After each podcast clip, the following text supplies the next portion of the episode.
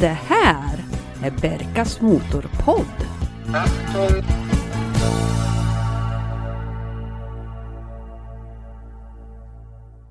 Hej och välkommen till Berkas Motorpodd.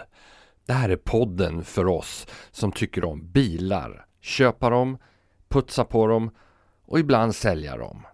Jag som pratar heter Jörgen.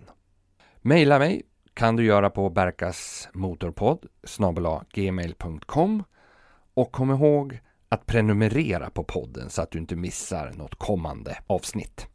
Jag tycker det är lika bra att köra igång på en gång.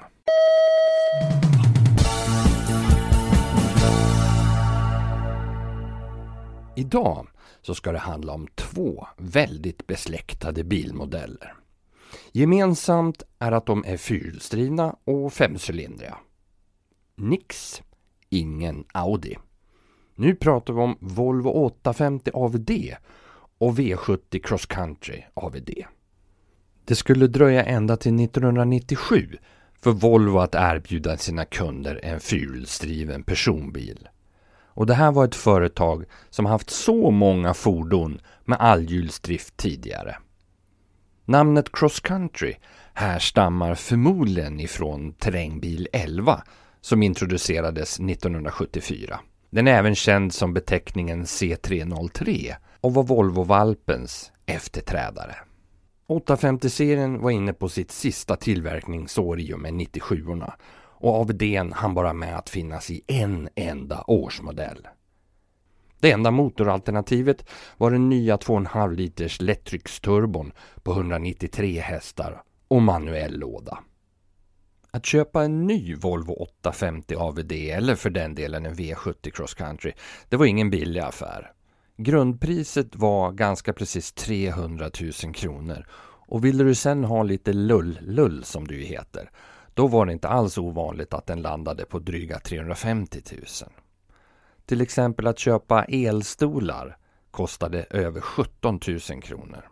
Att känna igen en V70 Cross Country, det är rätt så enkelt. För det första så har den ju 3 cm högre markfrigång och sen har den placeringen på avgaspipan bak på höger sida medan en vanlig framhjulsdriven V70 har den på vänster. Och det här berodde på att man var tvungen att göra en annan dragning av röret på grund av bakaxeln. Jag har haft en 850 AVD och nio V70 Cross Countries. Så var börjar vi någonstans Erik? Du har ju haft nio stycken Volvo V70 Cross Country. Hur kom det sig att du fastnade för just den här modellen egentligen? Ja, men det är ju utseendet till att börja med. Det är ju en kraftfull förstärkning utav cross country-konceptet med den här modellspecifika fronten, höjden, markfrigången, fyrhjulsdriften och sen är det ju framförallt absolut världsklass på körställningen i de här bilarna. Det är få bilar som klår, i mitt tycke, eh, körställningen och, och hur jag sitter i de här bilarna. Det var väl så att några av de här bilarna bara användes som bruksbilar. Och det är ju inte förrän nu på sista tiden som någon sorts kult omgärdar de här bilarna. Tror du då att det finns någon klassikerpotential för de här modellerna framöver? Garanterat tveklöst. Nu kan man ju titta tillbaks på de här drygt 20 år tillbaks och de flesta exemplarerna är ju borta. Så att de som är fina och återstår, de, de har helt klart klassikerpotential. Det här är ju en samlarbil som, som jag tror kommer. Eh, redan nu så, så är vi ju några stycken som har en Facebookgrupp som gillar de här tidiga AVD och där ingår ju också 850 AVD, SV70 AVD och Cross Country naturligtvis. Det här var ju slitvargar och eh, bruksbilar och det var nog ingen som tänkte på att en fyrhjulsdriven Volvo kombi skulle uppnå någon form av entusiaststatus. Men eh, det ser vi ju nu redan att eh, priserna börjar på åka upp lite grann från att kunna handla en sån här bil i skapligt skick för fyrsiffriga summor så begärs det bra mycket mera pengar för, för fina exemplar och fungerande exemplar nu. Det gäller ju bara att hitta ett välvårdat exemplar och det, det är som allting annat. Det är svårare ju längre tiden går naturligtvis. Av de här antalet bilarna så tänkte jag välja ut tre stycken och prata om lite extra. Och tillsammans med den här 850 AVDn tänkte jag också lägga till en grå Metallic 98 och en vinröd 00. Och det är första och sista årsmodellen alltså. Och av en slump så är båda automater. Och det här är någonting som jag vanligtvis inte gillar. Men det här är inga racerbilar. Det är mera glidare som gillar glatt underlag. Man har ju hört en hel del också om att eh, AVD-systemet i de här kan vara riktigt opolitligt. Vad är din erfarenhet?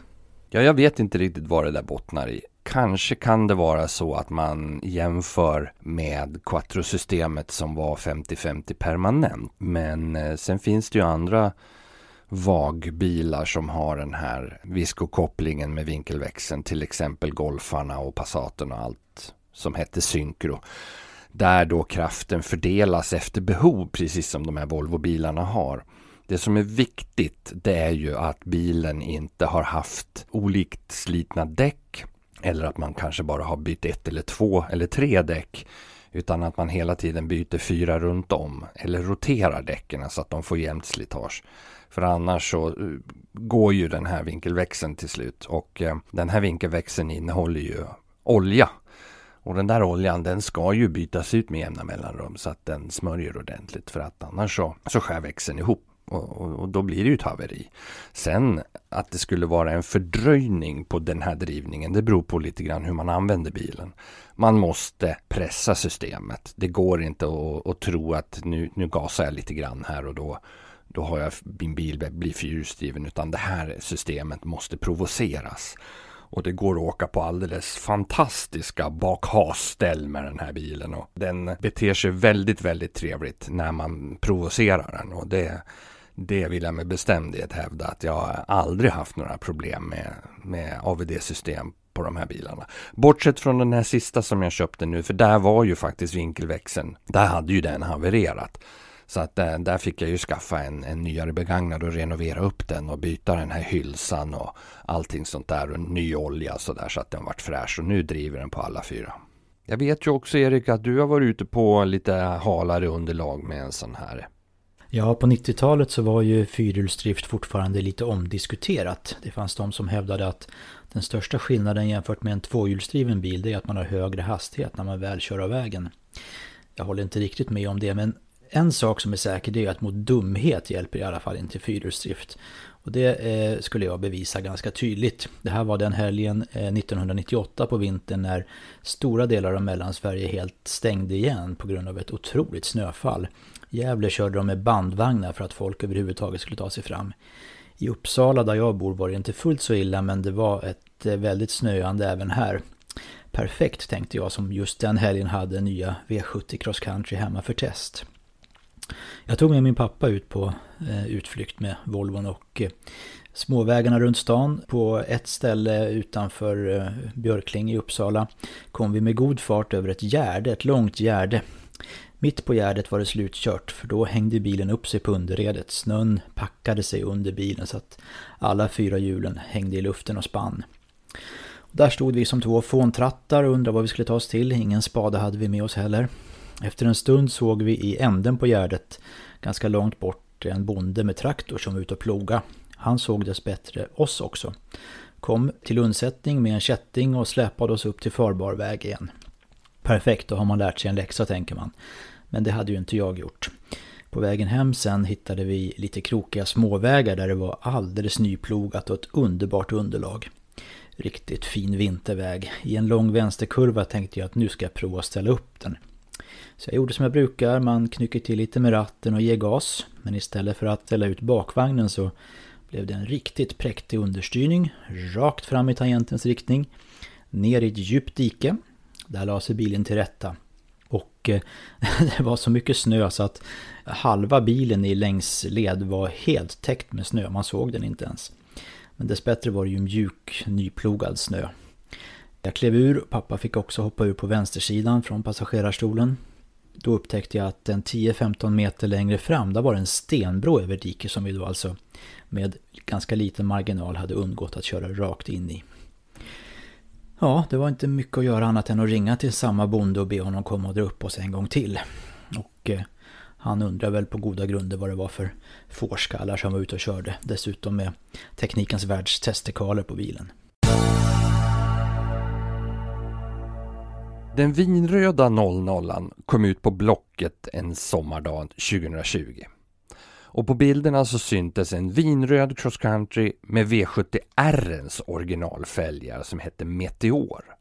Det här var intressant. De här fälgarna sålde jag sedermera för 1700 kronor. En summa att eh, lägga på minnet till eh, lite senare. Den hade dessutom de svindyra tillbehören sidebars som är ett slags skyddsrör utefter trösklarna för att undvika karossskador vid terrängkörning. Med tanke på priset så fanns det garanterat en hake. 1500 spänn kostar bilen, påställd och besiktad. Det fanns inget telefonnummer så jag mejlade omgående att jag ville köpa bilen, osett. Efter ett tag så ringde en engelsktalande man upp. Han presenterade sig artigt och förklarade att bilens AVD-system hade pajat. Den gick inte att köra. Nu stod bilen på en parkering långt ute på Värmdölandet. Jag swishar direkt, sa jag. En biltrailer hyrdes och jag lånade min kompis Jannes Land Rover Disco för att kunna dra ekipaget. Jajamän, jag har BE-kort taget innan januari 2013. Jag rekryterade även polaren Bjärlan som andre pilot på resan. Först dånade vi in till Stocksund och ett jättehus vid vattnet. Där bodde ägaren och vi skrev pappren och sen drog vi söderut för att hämta bilen. Det var trångt som attans och med lite backning och vändning till gästernas förtjusning på ett konditoris uteservering kunde vi till slut ställa oss bakom fiket med ekipaget. Jag gick och hämtade X igen och när jag sakta började rulla fram bilen så förstod jag vad felet var. Det var vinkelväxeln som hade havererat. Som sagt. Varje varv på kardanen smällde som ett mindre pistolskott. Men upp på trailern kom den.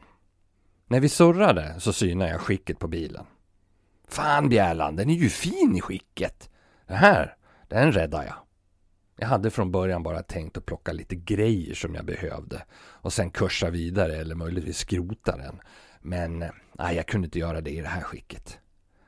Väl hemma så letade jag reda på en ny vinkelväxel som jag fick renoverad och ordnade med nya lager och hylsa. Sågen och jag monterade kardanen och min verkstad satte dit de andra grejerna.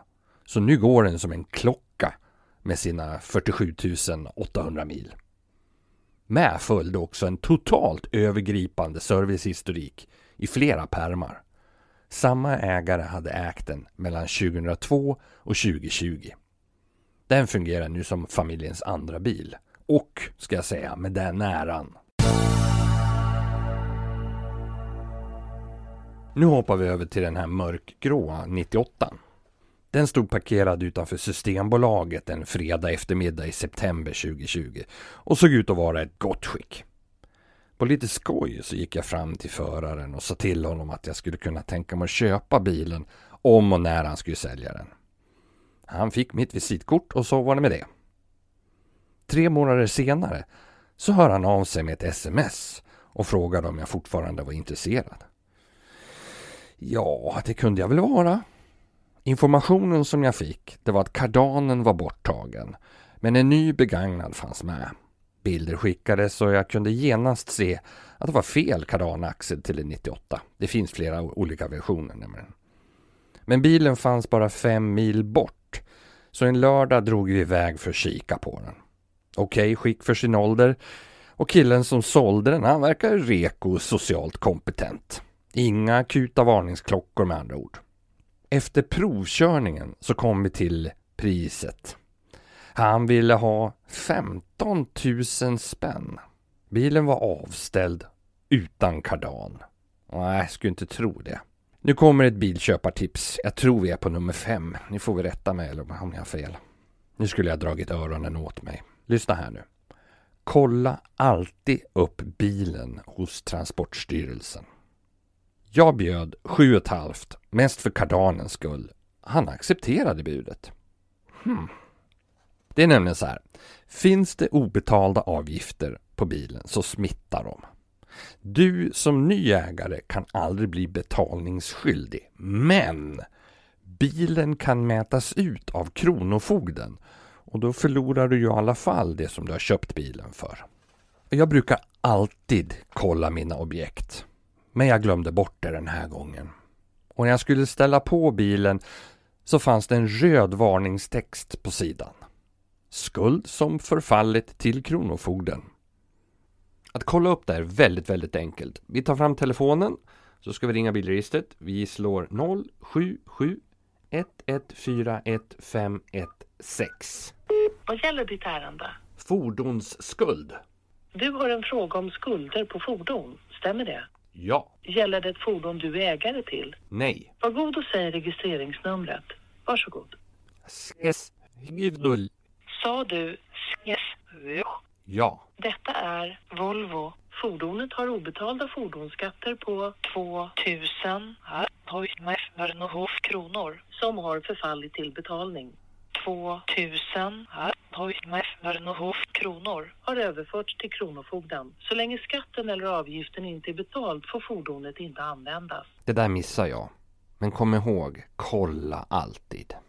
Ägaren som vi kan kalla Nullberg hade struntat i att betala broavgiften i Motala på 5 kronor. Och nu hade skulden ökat till 2003 kronor. Jag hörde av mig till säljaren som ju var helt ovetande som problemet och genast skulle reglera skulden. Jo, tjena. Det hände ju inte ett smack. Jag tappade helt sugen på bilen och sålde den. Och det ska jag säga, i annonsen så var jag mycket tydlig med att skulden fanns och vi skrev tydliga papper på hur det låg till med det där. Jag fick 5000 spänn. En nit, men en lärdom. 850 AVDn hittade jag faktiskt hos den lokala Volvo-handlaren år 2002. Eftersom min mamma hade en vinröd sån här så visste jag att de gick väldigt, väldigt bra. Och när jag sen fick ett kanonpris av säljaren så slog jag till. Det här var en perfekt vinterbil. Och jag minns speciellt en kväll när jag åkte tillbaks hem till Köpenhamn. Tuborg på plastik, inge klinke klanke. I Markaryd var det som att köra in i en vit vägg. En sydsvensk snöstorm, den är fanta inte att leka med kan jag säga. Jag hade lovat att svänga förbi Sturup och hämta upp en klasskamrat som skulle landa från Skellefteå. Men han hade ringt från Arlanda och berättat att flyget var försenat på grund av snön. Det var ingen idé att komma ut till Sturup med andra ord. Så här lät det bland annat i Ekot i radion. Och vi har så en varning för mycket halt väglag eller andra trafiksvårigheter från ikväll i Götaland och Svealand i samband med snöfall. Jag hade helt nya Hakkapeliitta dubb på AVDn och den gick som på räls. I höger körfält så var det två hjulspår i snön och det spårade nog fruktansvärt. Så jag la mig i vänster och lät bilen bestämma kursen med jämnt gaspådrag. Strax söder om Helsingborg stannade jag och tankade i Glumslöv. Då ringde polaren igen och sa att han just hade landat på Sturup och skulle ta flygbussen in till Malmö. Kunde jag inte hämta honom där? Ja, visst. Vi ses om 45.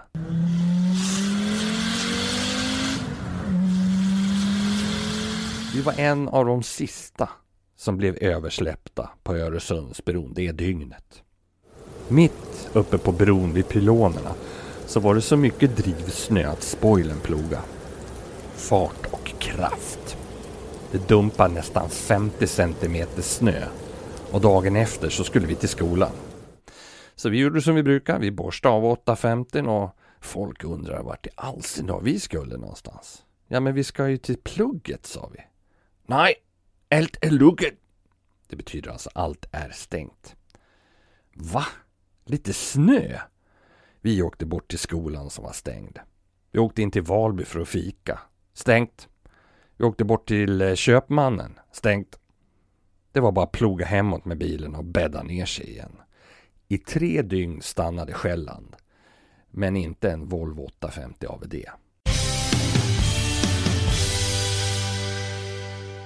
Bilen var ju väldigt fin eftersom den ju bara var fem år gammal och gått ungefär 17 000 mil.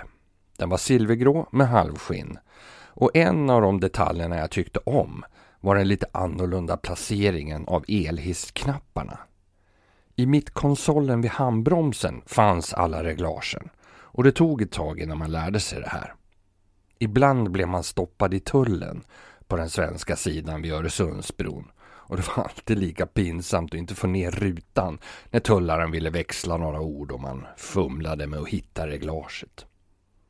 Den byttes in 2004 tillsammans med den här röda C70-kupén jag hade mot en då tre år gammal V70 Cross Country som hade gått 4300 mil. Men mer om det kommer i ett senare avsnitt. Vad tyckte pressen? Mm, då är det dags att lämna över till våran expertkommentator Erik Lund. Och eh, Volvo hade ju alltid som eh, tradition att välja lite exotiska platser för sina modellintroduktioner och vad jag förstår även den här gången med cross country. Ja, då var det ju så att den första presskörningen den ägde rum i Alaska. Dit fraktades journalisterna för att eh, stifta första bekantskapen med Volvo V70 Cross Country och det var nog en passande miljö på många sätt. Om inte annat blev det fina bilder. Teknikens världs Björn Sundfeldt eh, konstaterade så här, det var inget kul fyrhjulsdriftssystem för förare med rallyambitioner, men en säker och bra lösning för vanliga bilförare. Tids nog så kom ju bilarna ut även i Sverige.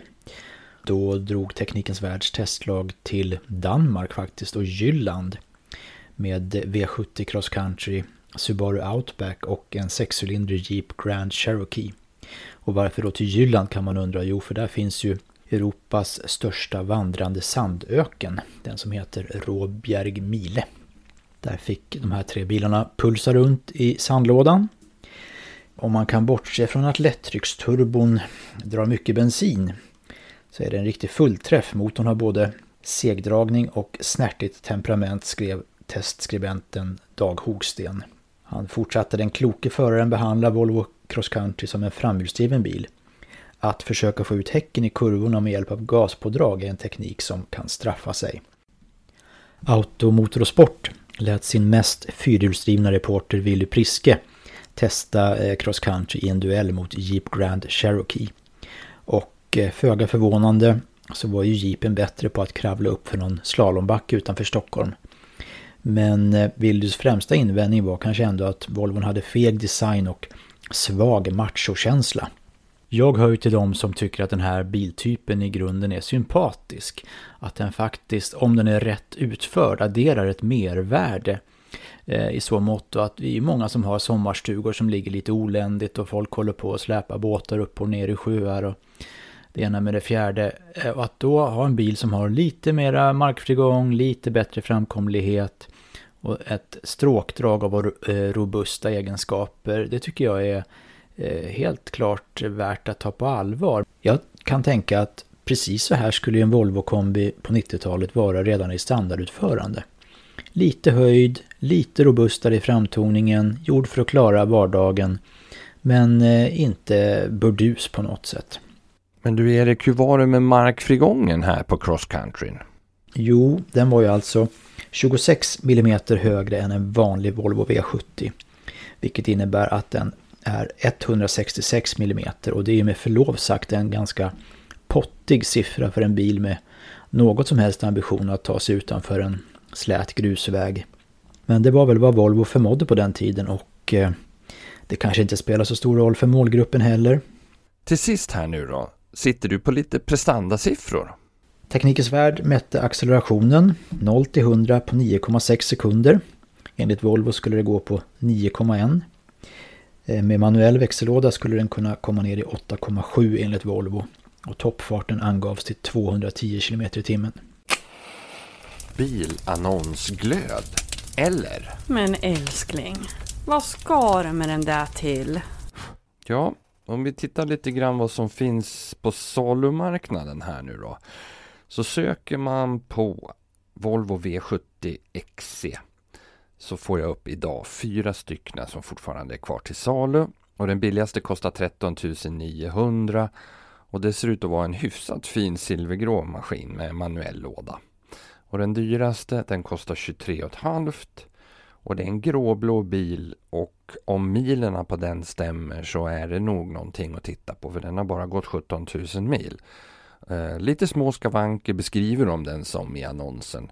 Men det får man ju räkna med en sån här gammal bil. Man ska också komma ihåg om man söker efter de här bilarna att en, en del döper om dem till den nyare beteckningen som heter XC70.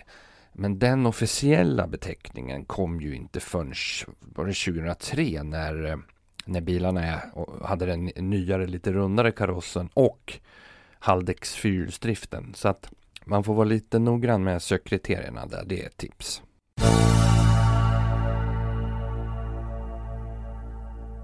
Då får vi dunka igen bakluckan på 850 AVD och V70 Cross Country för den här gången.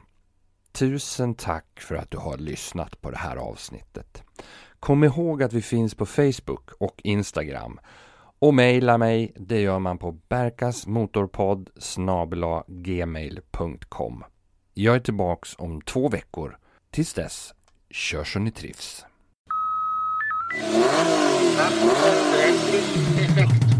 Det här är Berkas Motorpodd.